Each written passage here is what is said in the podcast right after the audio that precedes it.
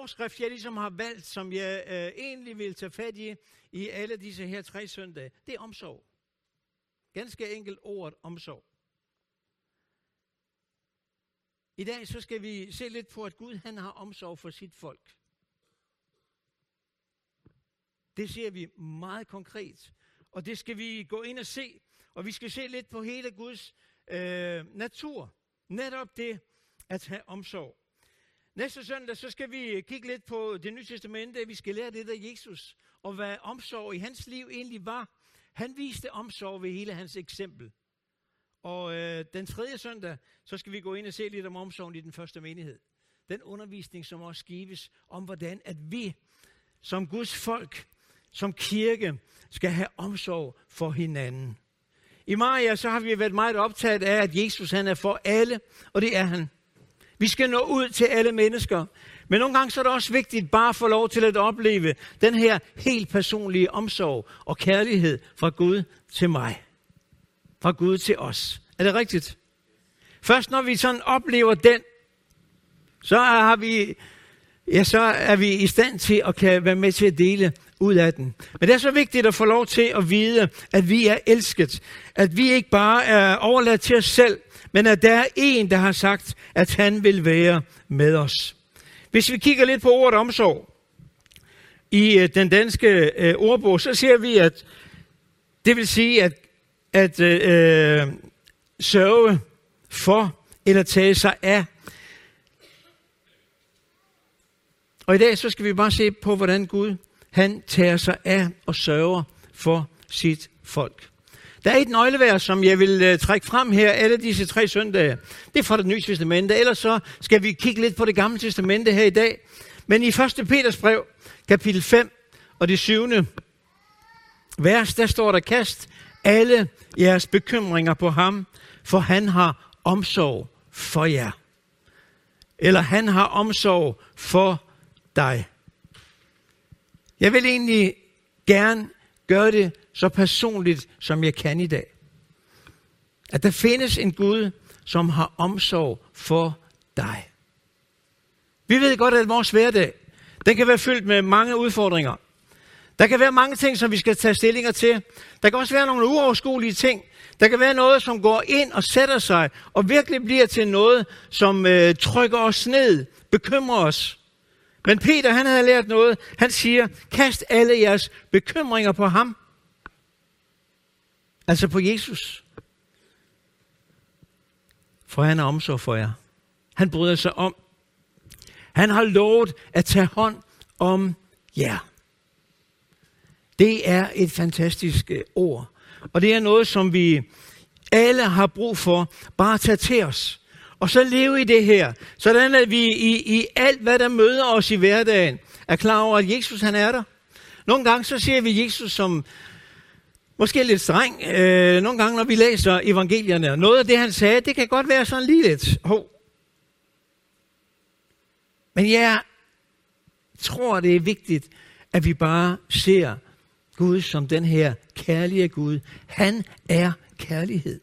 Jesus er den, der bryder sig om, der kærer om os. Som bare har tanker for os. Som ønsker os det allerbedste. Han vil være med os. Når vi går til det gamle testamente, så ser vi, hvordan Gud han havde omsorg for sit folk. Og jeg har bare lige lyst til at læse nogle enkelte skriftafsnit. Øh, bare nogle enkelte vers, som fortæller lidt om den her omsorg, Gud havde for sit folk. I salme 80, vers 2, der står der, Hør os, du Israels hyrde, du som leder dit folk med omsorg.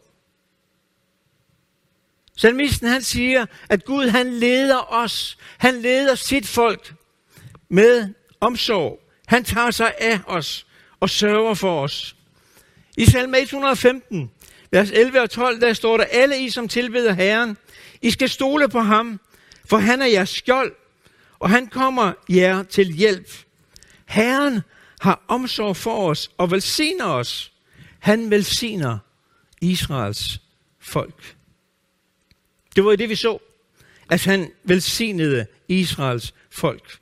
Salme 147, vers 11, der står der, han glæder sig over dem, der adlyder ham, og han har tillid til hans, og som har tillid til hans trofaste omsorg.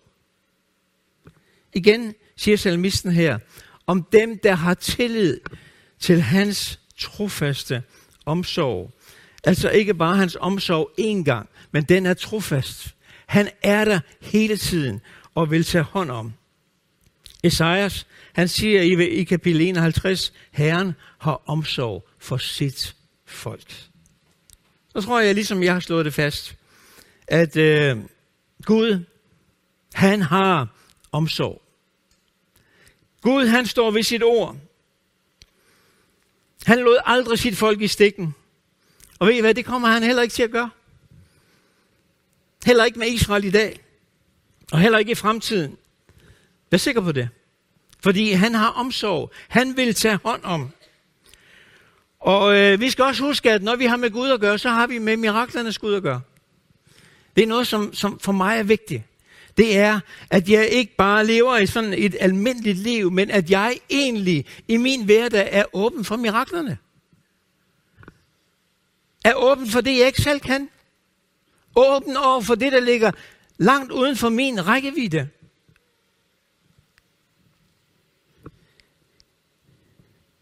Han er miraklernes Gud. Og vi skal se på en del mirakler, som Gud han egentlig gør i forbindelse med øh, israeliternes vandring i ørkenen og hele deres udgang fra Ægypten. Vi er tilbage i, i Mosebøgerne, første Mosebog, anden Mosebog. Og, øh, og her ser vi, hvordan at øh, Gud han var med til at føre israelitterne ud af det trilleri, som de havde været i i Ægypten. Jeg skal ikke komme så meget ind på hele den del, men kun lige fra, at, at øh, farao han lod dem tage afsted, på grund af alle disse her plager, som Gud han sendte, så, så gav han op til sidst, kong farao, og så sagde han, drag afsted. Selvom man jo havde brugt israelitterne som trælle, og havde nyt godt af, at de havde været der hos ham. Og øh, så er det, at de drager afsted. Så kommer de til øh, det røde hav. Og der oplever de, hvordan at Gud mirakuløst fører dem igennem det røde hav.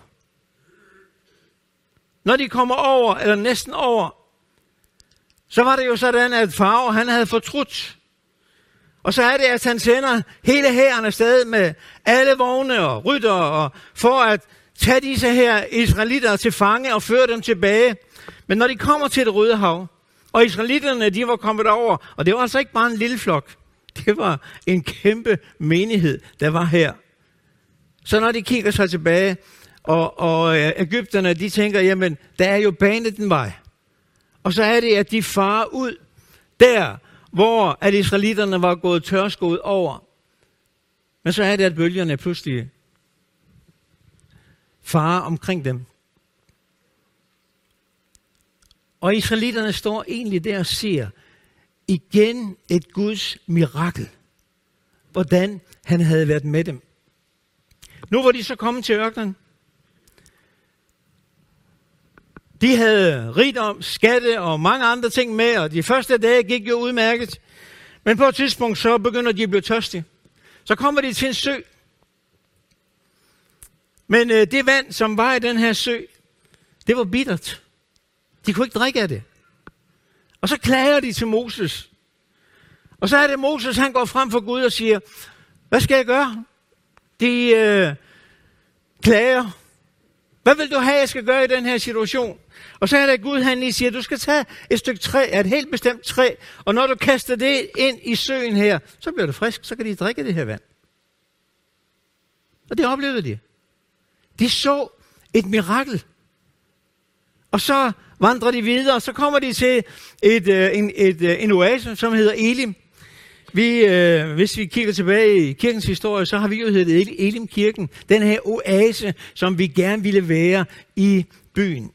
Vi er det stadigvæk, selvom vi ikke har navnet. Men der var nogle kilder. Det var et sted, hvor man bare kunne slappe af, og der kunne du få øh, frisk vand. Men det er sådan, at øh, et andet mirakel, som israelitterne de oplevede, det var jo den her skystøtte om dagen. Ildstøtte om natten. Og det var jo sådan, at når skystøtten den bevægede sig, så måtte menigheden her, israelitterne, bare bevæge sig med. Hele tiden. så vandrede de ikke bare på mor og få, men der var en, der ledte dem overnaturligt, ved en skystøtte, ved en ildstøtte, og førte dem afsted. Men når nu de havde vandret der i ørkenen en måneds tid, så blev de faktisk sådan lidt halvsure, lidt vrede, fordi, ah, vi har ikke fået kød i en hel måned. Og så er det, de begynder at sige, Gud, hvorfor førte du os herude i ørkenen? Godt nok så var det hårdt arbejde i Ægypten. Men vi fik trods alt noget at spise. Der var nogle andre forhold, end der er her. Og de begyndte at sige, hvorfor gjorde du det, Gud? Det kan du ikke være bekendt. Og egentlig så sagde de, det var bedre, at vi havde været der, og så endt vores dage der, end at skulle ende vores dage herude i ørkenen. Og de klagede til Moses. Det er altid lederne, man går til. Åh, hvorfor har du gjort det? Hvorfor har Gud gjort det? Hvad skal der ske med os nu? Trods det, at de jo havde set miraklerne. De havde jo set, at Gud helt overnaturligt bare havde været med dem. Og så er det, at Gud han taler til Moses. Og så siger han, jeg har en plan. De skal få kød. De vil gerne have kød, de skal få kød. Og så er det, og så siger han, at de skal få brød. Og han, der står sådan her i 2. Mosebog, kapitel 16, vers 4. Jeg vil lade mad falde ned fra himlen som regn. Folket kan så hver dag gå ud og samle så meget, de har behov for til den dag. Sig til dem, at de skal samle en dobbelt portion på ugens 6. dag. Udover mannaen her, så sker der også det, at inden de skulle gå i seng den aften, så ville Gud give dem kød, siger han. Der var en stor flok fakler, som Gud han øh, øh, lod, lod øh, eller vagter, som Gud han lod flyve over lejren her, og pludselig så faldt de alle sammen ned. Og så kunne israelitterne egentlig gå ud og tage det der her dyr, tilberede det, og så fik de kød. Og så er det, han lover dem, jeg vil være med jer hver eneste dag. Og hvor han siger, at han vil lade mad falde ned fra himlen som regn. Prøv at tænke på den orden, som, som Gud egentlig havde i det her. Vi ved, at øh, da Gud han skabte øh, alt,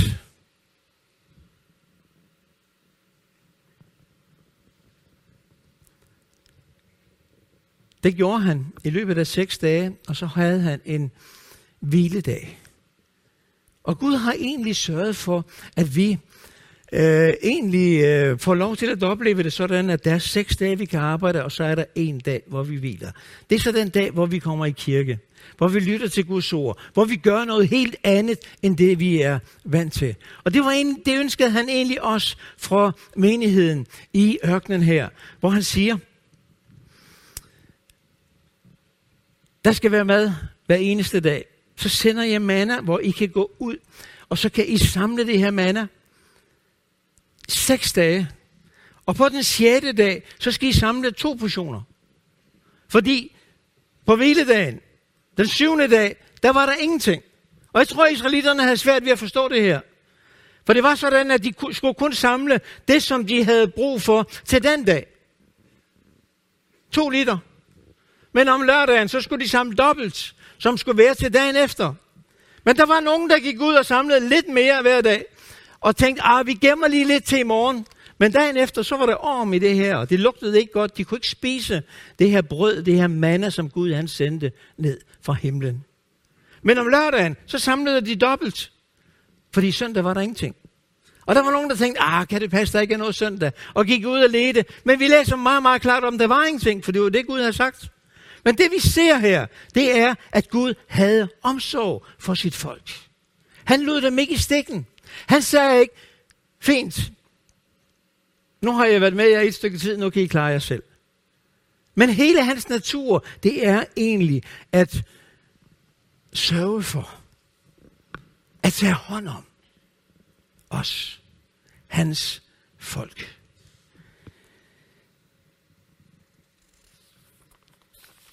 Her ser vi virkelig Guds trofasthed. Når vi læser videre, så ser vi, vi ser faktisk, at det mirakel her, øh, jeg sad sådan lige og regnede lidt på det. Der er noget med, at der var jo en måned, og øh, der er nogle dage, og noget, man lige skal trække fra, og så er det jo ikke hver dag. Men det her mirakel øh, med manna, det skete faktisk over 12.000 gange. Måske omkring 12.500 gange, hvor det mirakel, det skete. Og til sidst så blev det så hverdagsagtigt for menigheden her, at kan vi om de helt lagde mærke til det. Men Gud havde omsorg. Gud var miraklernes Gud hver eneste dag, mens de var her.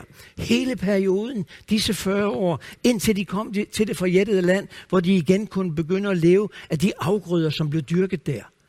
Der sørgede Gud for den. Der var noget at spise hver eneste dag. Når jeg sad og læste det her, så slog det mig egentlig, at i 5. Mosebog og i øh, kapitel 29, der står der i vers 4, i 40 år har han ført jer gennem ørkenen, uden at jeres tøj og sko blev slidt op. jeg ved ikke, om vi kan forestille jer det her. Der var ingen forretninger at handle i. Der var ikke så meget at gøre. Gud havde jo let dem ud. De var på vej mod noget andet.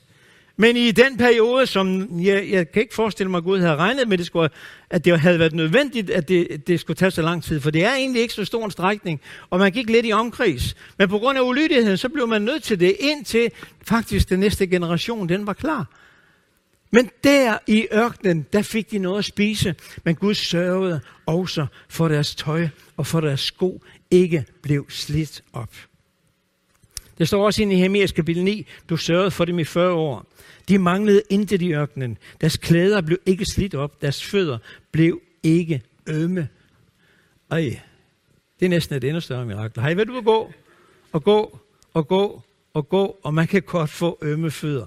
Så kan man købe nogle virkelig øh, vandre, støvler og så videre. Men lige meget hvad jeg næsten har fået på, så, så overfødderne de blev ømme, men der står faktisk her, at tøjet, klæderne blev ikke slidt op, deres fødder blev ikke ømme. Fantastisk at se Guds omsorg for sit folk. Kast alle jeres bekymringer på Jesus, for han har omsorg for jer. Lige om lidt, så skal vi øh, have brødsbrydelse. Og når vi deler vinen og brødet, så er det faktisk også et billede på Guds omsorg for os.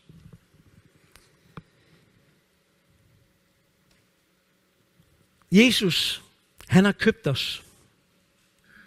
Når du tager imod ham, lukker ham ind i dit hjerte, lad ham få lov til at blive herre i dit liv, så har han lovet, at han vil være med dig i alle disse her forskellige situationer. Og når vi bryder brødet og deler vinen, så er det også sådan en, en stund, hvor vi bare ser hen på Jesus og siger tak for alt det, han har gjort. Vi oplever hans omsorg. Tænk, at han sonede vor synd. Tænk, at han tog straffen på sig. Er det ikke omsorg? Det er virkelig omsorg for dig og mig. Men inden vi skal dele øh, nadvaren sammen, så har jeg lyst til at bare lige tage dig med ind i en episode i øh, Ries og mit liv.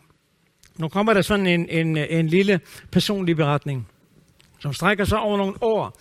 Jeg håber, det er okay, Rie, at jeg nævner dig her. Øh, kun lige for at fortælle lidt om, at han har omsorg for os. Når jeg går tilbage til en øh, periode i, i vores liv, hvor vi egentlig, øh, jeg vil sige, vi, vi gennemlevede noget svært, noget hårdt. Øh, jeg synes ikke, livet det var helt lige så let i de år der. Der var, der var noget, som lå der nede, og der var bekymringer, og der var en hel masse ting, som, som egentlig satte ind. Øh, Jeg var blevet leder af Aalborg Kristne TV. Det var i en periode, hvor der virkelig var gang i lokal TV i Danmark. Og Kulturministeriet, de øh, gav os egentlig ret mange midler i nogle år. Alt afhængig af, hvor meget tv, som vi sendte. Og jeg tror på et tidspunkt, så øh, var vi syv ansatte. Ikke øh, fuldtidsstillinger alle sammen. Men øh, der var virkelig gang i den, fordi desto flere udsendelser vi lavede, desto mere tilskud fik vi. Og jeg havde en. Vi havde ikke det, det flotteste udstyr, øh, men det var udmærket. Men øh, der var kun et redigeringsapparat. Og jeg havde en til at sidde og redigere. Annie, hun sad der hele dagen og redigerede. Vi havde optagelser indimellem, og havde optagelser om aftenen og om lørdagen. Og øh, så havde jeg Claus, der kom ind om aftenen, når vi var færdige med at optage øh, studieoptagelser eller optagelser ude i marken, og så sad han og redigerede om natten.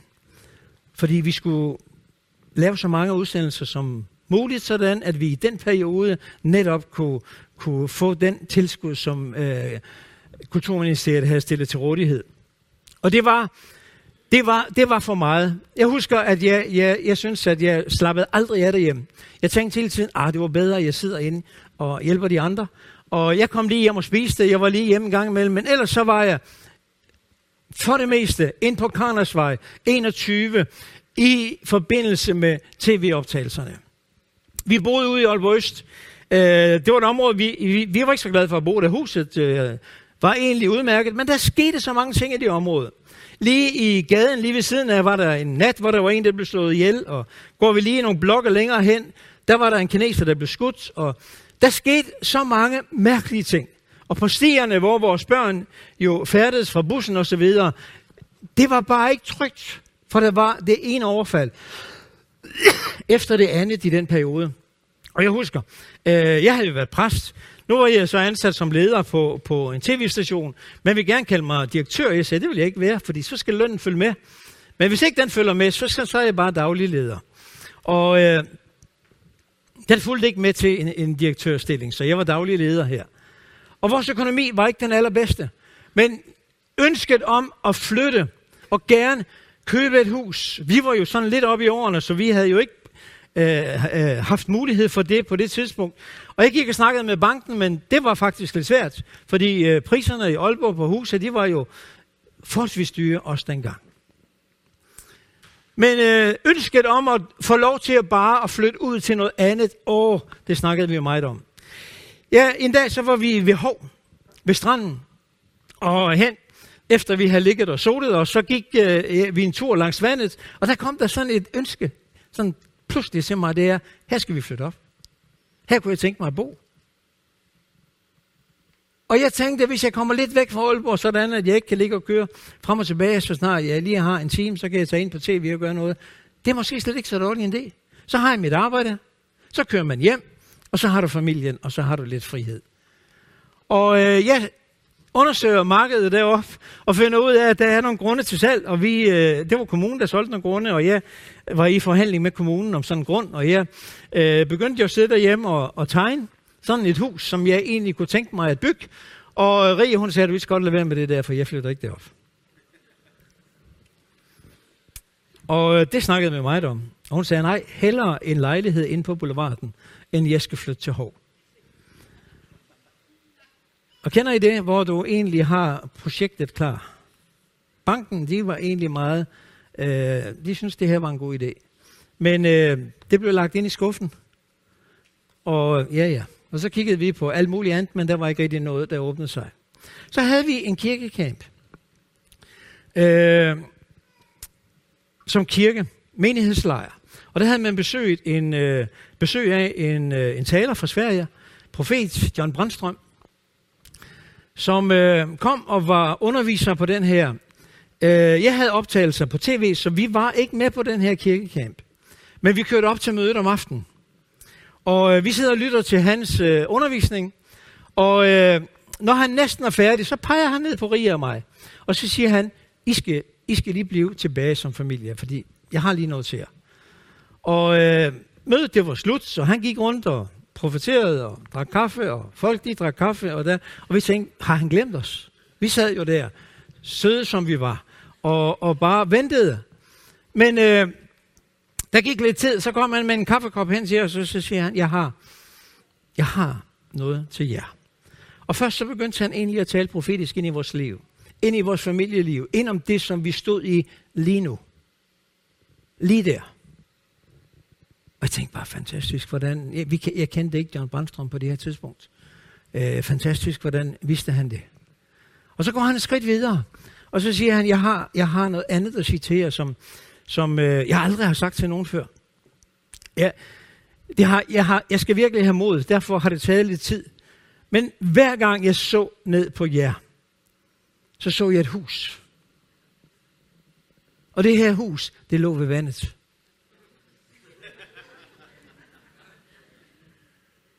Og han siger, jeg aner ikke, hvad det betyder. Jeg tror faktisk, I skal bygge et hus i vandet. Og så nævner han nogle andre ting. Og jeg blev så forskrækket. Kender I det, hvor man, jeg, jeg tænkte, hvad er det for noget? Lad mig komme væk herfra.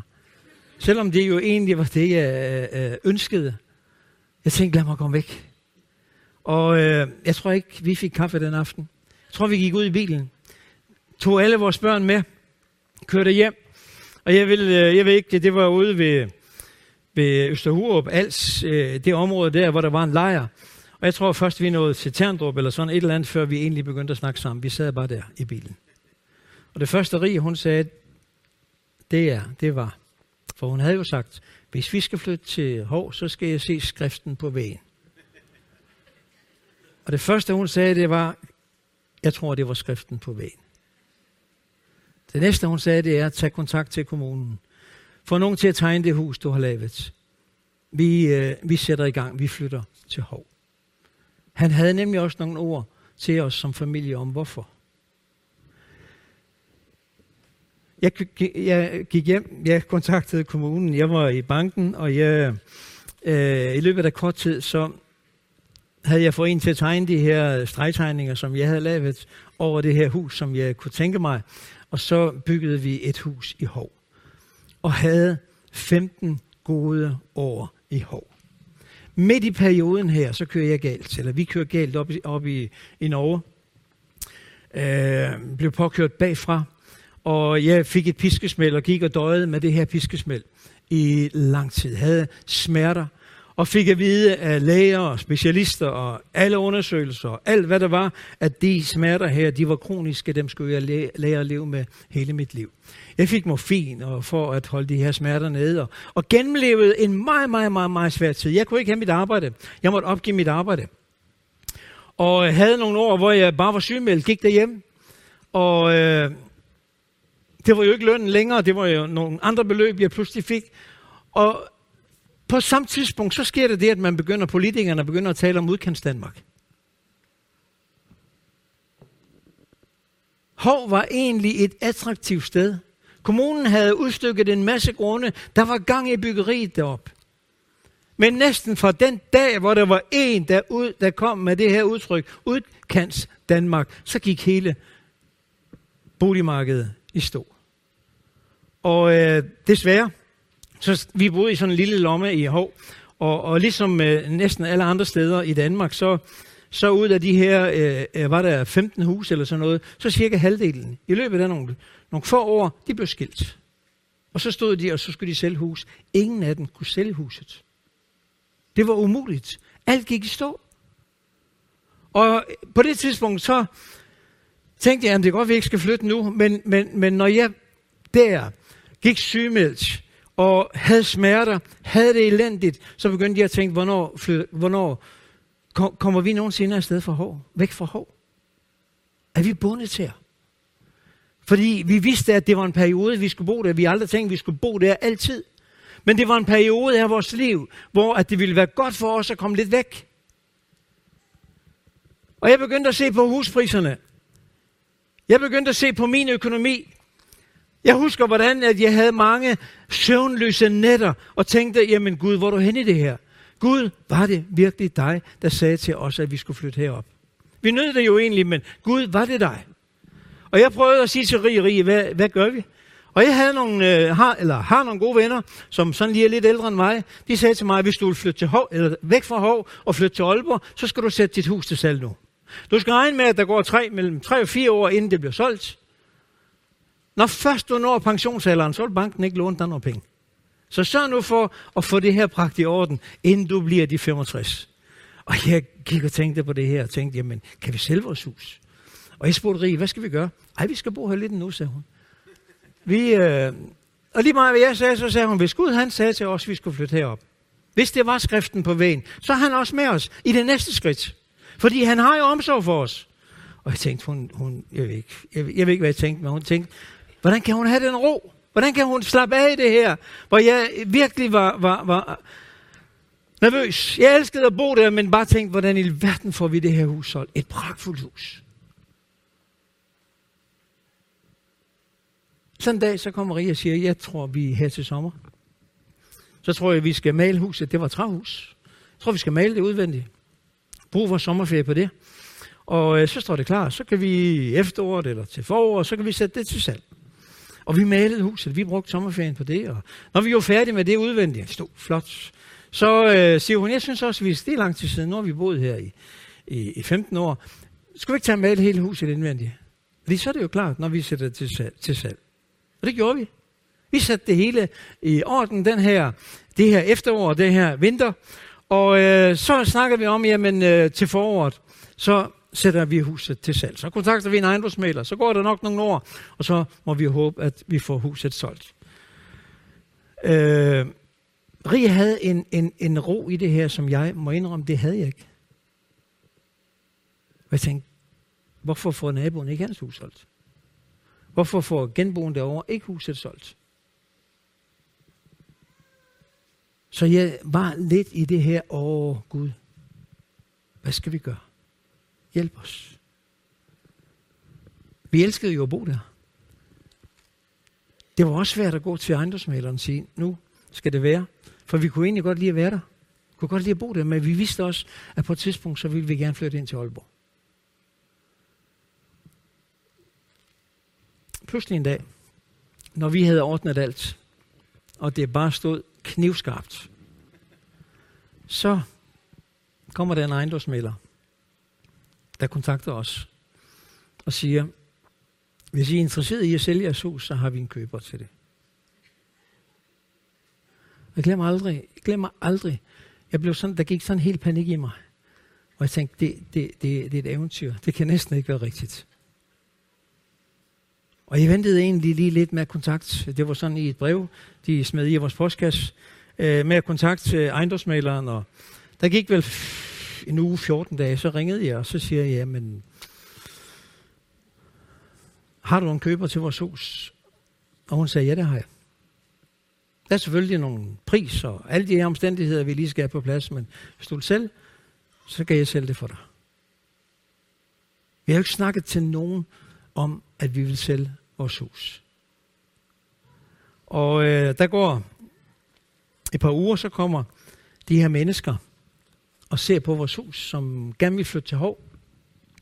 Og det viste sig faktisk, at de havde været i Hov, og så havde de over med ejendomsmaleren plukket nogle huse ud.